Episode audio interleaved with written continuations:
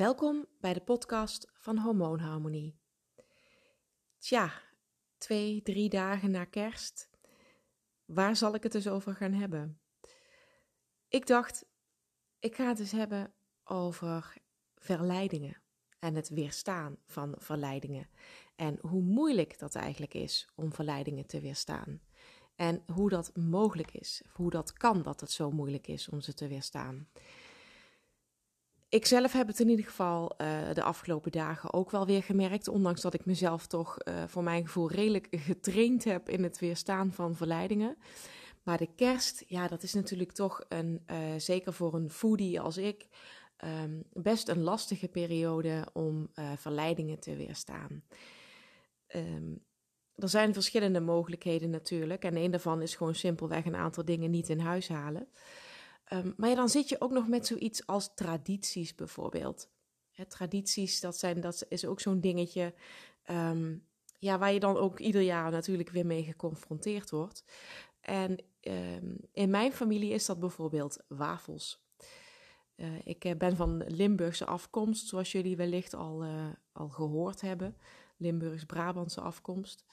En allebei mijn, of alle vier mijn grootouders Nee, is niet waar. Drie van mijn grootouders zijn afkomstig uit, uh, uit Limburg. In ieder geval uh, waren er bij beide grootouders altijd wel wafels in de aanbieding in deze tijd van het jaar.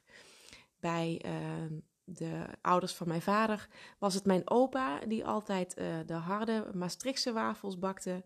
En bij mijn oma van mijn moederskant waren het de zachte wafels die altijd wel in de aanbieding waren. En dan het liefst ook nog met uh, rozijnen of sucade erin of iets dergelijks. Gewoon heerlijk zoet en dan nog wat poedersuiker eroverheen. Nou ja, buiten het feit dat het natuurlijk ontzettend lekker is, um, brengen dat soort tradities ook toch altijd weer een bepaald gevoel met zich mee. Hè? Die nostalgie, um, de uh, herinnering aan die personen die er ook niet meer zijn. Uh, het gevoel wat je had destijds, hè, in ieder geval wat ik had toen ik, als ik dan bij ze op bezoek ging, als kind zijnde en ook later na als tiener of als twintiger. Um, ik kon hè, bij, bij oma kon je altijd binnenkomen en er stond altijd wel wat lekkers op tafel. Dat was ook echt een lekker bek. En mijn oma was ook iemand die heel graag bakte. Ik heb het vlaaien bakken bijvoorbeeld ook van haar geleerd. Um, ja, dat was ook echt een, een Limburgse traditie als er, uh, als er een verjaardag was. En de familie was redelijk groot, maar dan stond er natuurlijk niet één fly op tafel. Nee, dat waren er ook geen twee. Dat waren er altijd wel zes of zeven verschillende, want je moest natuurlijk ook wel wat te kiezen hebben. En uh, ook zo in deze tijd van het jaar, als je dan bij oma binnenkwam, stonden altijd wel schalen vol met wafels klaar. En bij mijn opa, dus van mijn vaders kant, die bakte altijd harde wafels. En um, dan als wij dan Sinterklaas vierden dat weekend, dat we Sinterklaas vierden bij opa en oma, dan kwam er op het laatst altijd gewoon een doos tevoorschijn met daarin een plastic zak. En daarin zat, die zat helemaal vol met wafels. En oh, wat een feest, want dan wisten we alweer van, oh, de komende week kunnen we weer vooruit. En dan kon ik ook wafels meenemen naar school in plaats van een boterham. Nou, dat, ja, dat zijn natuurlijk heerlijke uh, herinneringen niet uh, de meest gezonde natuurlijk. Maar ja, ze geven je wel een fijn gevoel. En um, dan ja, krijg je dus ook automatisch ieder jaar wel uh, de drang om zelf die wafels te bakken. Nou ja, dat doe ik eigenlijk steeds minder. Ik, ik, ik maak ze wel, maar ik maak er minder. En uh, nu had ik dit jaar ook nog eens een keer de pech dat ik beloofd had voor school, voor het kerstdiner van de kinderen, wafels te bakken. En um, nou ja, twee dagen voordat het kerstdiner plaatsvond, had ik ze al gebakken. Maar ja, toen kregen we een uh, zogenaamde lockdown, dus ging het hele kerstdiner niet door. En toen zat ik dus ineens met 32 harde wafels. en eerlijk gezegd staan die er nog steeds. En daar ben ik dan stiekem best wel trots op. Maar goed, het ging over verleidingen. Hoe kan het toch dat er uh, altijd nog plek lijkt te zijn voor uh, zo'n wafel of een stukje uh, chocola of appeltaart. Zelfs, uh, zelfs na een, een uitgebreid kerstdiner van drie, vier, vijf gangen. Um, en wanneer je alleen nog maar hoopt dat je, nog, de, dat je, dat je geen schoenen met veters aan hebt gedaan, omdat je echt niet meer kunt bukken om die veters nog los te maken er past altijd nog iets bij op de een of andere manier. Hoe kan dat nou? En hoe kan het als je eigenlijk al drie dagen op de bank hangt voor Netflix en nauwelijks beweging hebt gehad? Ehm, dat je dan, en, en ook echt, eigenlijk weet je van jezelf, van je hebt gewoon geen honger. Je hebt geen honger. Ik denk dat, dat, dat er heel weinig mensen, helaas zijn ze er wel, maar heel weinig, relatief weinig mensen zijn in Nederland die echt honger hebben. De meeste mensen hebben geen honger. En toch stop je dat kerstkransje in je mond, omdat het op tafel staat. En misschien ook terwijl je net pas een uitgebreid brunchbuffet uh, hebt gehad. En die verklaring daarvoor, die ligt in ons brein. En die ligt in het, uh, in het oeroude deel van ons brein, de zogenaamde hypothalamus. En die hypothalamus, dat is op zich een, een, een goed, uh, goed stukje brein. Uh, want die, was die is erop berekend, is erop op getraind uh, dat er altijd een risico is op een tekort aan voedsel. En dat komt natuurlijk uit een ver, ver, ver verleden, waarbij er niet altijd een overschot was aan voedsel. En um, misschien zelfs ook wel vooral in deze tijd van het jaar. Um, er, er, is minder uh, vers voedsel voorhanden, simpelweg in de natuur.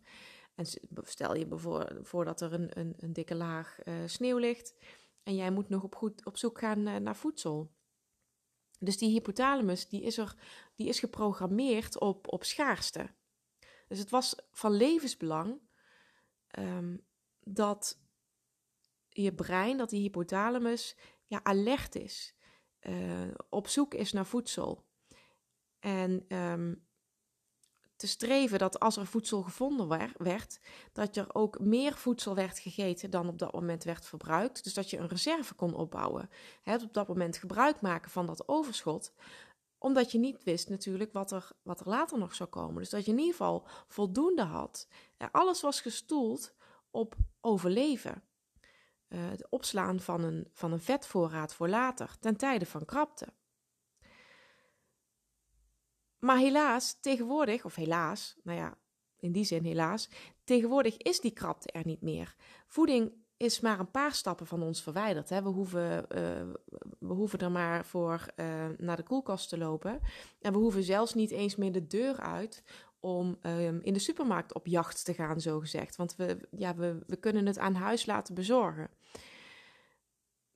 Dus die krapte is er tegenwoordig niet meer. We hoeven er niet meer voor in, in beweging te komen. vanuit onze luie stoel kunnen we ons voortdurend uh, voorzien van voeding.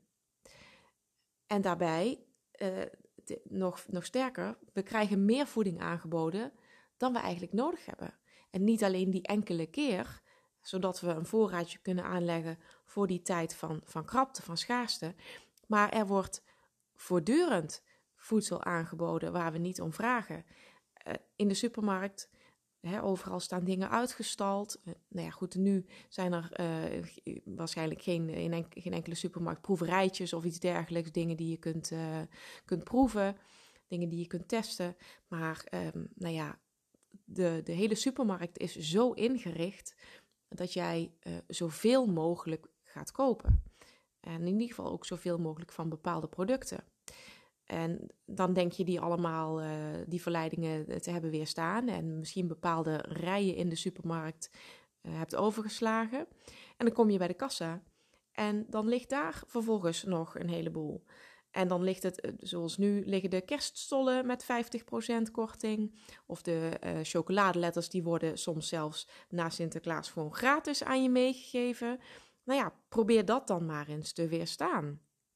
En kom je buiten, dan staat daar nog een oliebollenkraam. Dus heb je binnen de verleiding al weten te weerstaan. Dan word je buiten nog wel eens een keer met je neus op de feiten gedrukt. Um, hè, of of, of zo'n zo'n vers gebakken wafel. Dus het, het is ontzettend moeilijk. Er is een voortdurende strijd gaande eigenlijk tussen onze uh, hypothalamus en de prefrontale cortex. Even een, een klein technisch verhaaltje, maar die, er is, het is eigenlijk een strijd tussen je ratio en je instinct, zou je kunnen zeggen. Die prefrontale cortex, dat is dat deel van het brein wat betrokken is bij uh, je sociale gedrag, uh, bij het nemen van beslissingen, maar ook bij plannen, bij beredeneren, bij doelen stellen, bij het verwerken van emoties. En een groot ontwikkeld prefrontale cortex, dat is ook wat ons onderscheidt van andere zoogdieren. Dus het is die prefrontale cortex die tegen jouw hypothalamus moet zeggen: nee, nou moet je even je mond houden. Jij moet even op je beurt wachten. We hebben nu geen behoefte aan voedsel. Maar ja, tegelijkertijd is het ook weer die prefrontale cortex die het dus als eerste laat afweten.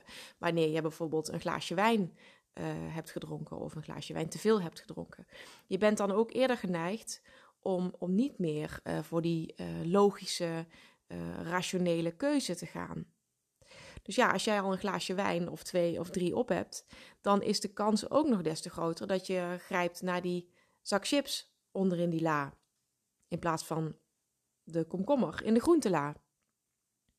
Dus eigenlijk is dat een heel natuurlijk gedrag. Het is, het is geen abnormaal gedrag. Het is in principe is het gewoon gedrag wat bij ons hoort. We zijn geprogrammeerd om op zoek te gaan naar voedsel. Dus je brein zal heel snel zeggen: hey, daar is voedsel, daar moet ik op af. Dat moet ik tot me nemen, want het zou zomaar kunnen zijn dat ik straks te weinig heb. Dus weet dat van jezelf. Het is geen abnormaal gedrag. Je bent daarin niet raar. Je bent daarin niet zwak. Zo zijn we nou eenmaal gemaakt. Er is niks mis met jou. Er is alleen iets mis met onze omgeving. Want die verleidingen die liggen voortdurend op de loer. En die hypothalamus die wordt dus ook voortdurend op scherp gehouden. Die wordt voortdurend alert gehouden. Dus wat zou je kunnen doen om daar tegenin te gaan?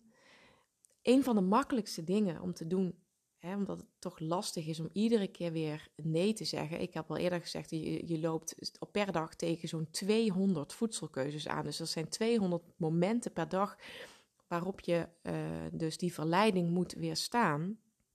Dat is natuurlijk hartstikke veel. Uh, dus het makkelijkste wat je zou kunnen doen is uh, veranderen van omgeving. En dan ja, heeft het niet zoveel zin om naar een andere supermarkt te gaan, want ik denk dat daar uh, het probleem niet anders is. Maar probeer in ieder geval om in je eigen omgeving, in huis, zo min mogelijk verleidingen te hebben liggen. Voor mij is dat bijvoorbeeld chips. Ik kan chocola kan ik redelijk goed weerstaan. Zelfs die wafels, zoals ik al zei, die kan ik redelijk goed uh, weerstaan. Uh, ik zou eventueel gewoon een, heel klein stukje daarvan kunnen eten. En dan, dan is het ook alweer goed. Dan heb ik die herinnering weer. Dan hoef ik niet eens die hele wafel. Maar chips, dat is echt mijn, mijn, nou, mijn zwakke punt. En dan gewoon, gewoon een naturel. Als ik daar eenmaal aan begin, en dan kan ik ook gewoon niet meer stoppen. En dat is ook natuurlijk weer iets waar de voedingsindustrie lekker op ingespeeld heeft. Die combinatie van die crunch en dat zouten. Um, je blijft ook zo lekker dooreten, terwijl je uh, lichaam al lang zegt: Nou, ik heb echt genoeg gehad, er kan echt niks meer bij. Nee, tot je misselijk bent, gewoon dooreten. Dus ik haal het maar gewoon zo min mogelijk in huis. Zelfs nu met de feestdagen, er was wel wat, maar er was niet veel. En op is op. Um, want die verleidingen, die zijn nou eenmaal moeilijk te verstaan. Dus ik, ik zorg gewoon dat ik zo min mogelijk verleidingen om me heen heb. Dus geen chips in huis, geen, uh, of niet te veel chocola. Geen is, het durf ik al bijna niet meer te zeggen. Maar een stukje chocola op zijn tijd is ook helemaal niet verkeerd. En ja, goed, een gewoon lekker kerstdiner, daar is natuurlijk helemaal niks mis mee. Um, een heerlijk voorgerecht. Wij hadden um, tijgergarnalen klaargemaakt in een uh, tomatensaus met wat olijven en knoflook. Uh, wat had er nog meer in? Kappertjes. Dus een lekkere umami tomatensaus. Dat was het voorgerecht als hoofdgerecht hadden we. En dat is dan weer een andere traditie. Konijn in het zuur. Dat maakten ook allebei mijn oma's ieder jaar met kerstmis klaar. Konijn, vroeger was het een heel konijn. Ik vind dat iets te veel gedoe, dus ik ben overgeschakeld op konijnenbouten. Konijnenbouten in een, uh, in een saus, een jus klaargemaakt van azijn en water. Uh, en heel veel uien en wat kruiden. Uh, echt een traditioneel Limburgs gerecht. Daarbij um, spruitjes. Altijd, ieder jaar. En dat is eigenlijk de enige dag in het jaar. Dat is dan nog een andere zonde van mij. De enige dag in het jaar dat ik gekookte aardappels lekker vind. Ik hou helemaal niet van gekookte aardappels. Behalve bij dat konijn. En dat heeft eigenlijk alleen maar te maken met die jus. Maar ook daarin heb ik dan weer de bewuste keuze dat ik dan maar gewoon, gewoon twee kleine aardappeltjes neem. Uh, en de rest van de jus gaat heerlijk over de boontjes en de, en de spruiten. Dus ook daarin uh, een bewuste keuze. Kook geen drie kilo aardappels voor vier personen, bij wijze van. Kies bewust. Koop bewust. Bescherm jezelf tegen die verleidingen. Want nogmaals, er is niks mis met jou, maar er is van alles mis met onze omgeving. Ik ben heel benieuwd uh, hoe jij de kerstdagen bent doorgekomen uh, en of je uh, de verleidingen hebt kunnen weerstaan. Eh, zo niet, wees niet getreurd. Iedere dag is een nieuwe dag. Iedere dag is een nieuwe kans om te kiezen voor een gezond voedingsmiddel, om een gezonde keuze te maken, om te kiezen voor je uh, gezondheid. Dus iedere dag opnieuw heb je weer de mogelijkheid om een nieuwe start te maken. Dus als het je niet gelukt is om met deze kerstdagen die verleidingen te weerstaan, um, geef jezelf, maak het, maak het niet te zwaar voor jezelf. Wees niet te streng voor jezelf. Ik hoop dat je ervan genoten hebt. En uh, ik kan alleen maar uh, hopen dat je uh, in de toekomst bewustere keuzes maakt. En ook van jezelf weet dat die mogelijkheid er is. En dat het dus niet aan jou ligt, maar aan je omgeving. Ik wens je voor nu alvast hele fijne dagen en tot de volgende keer.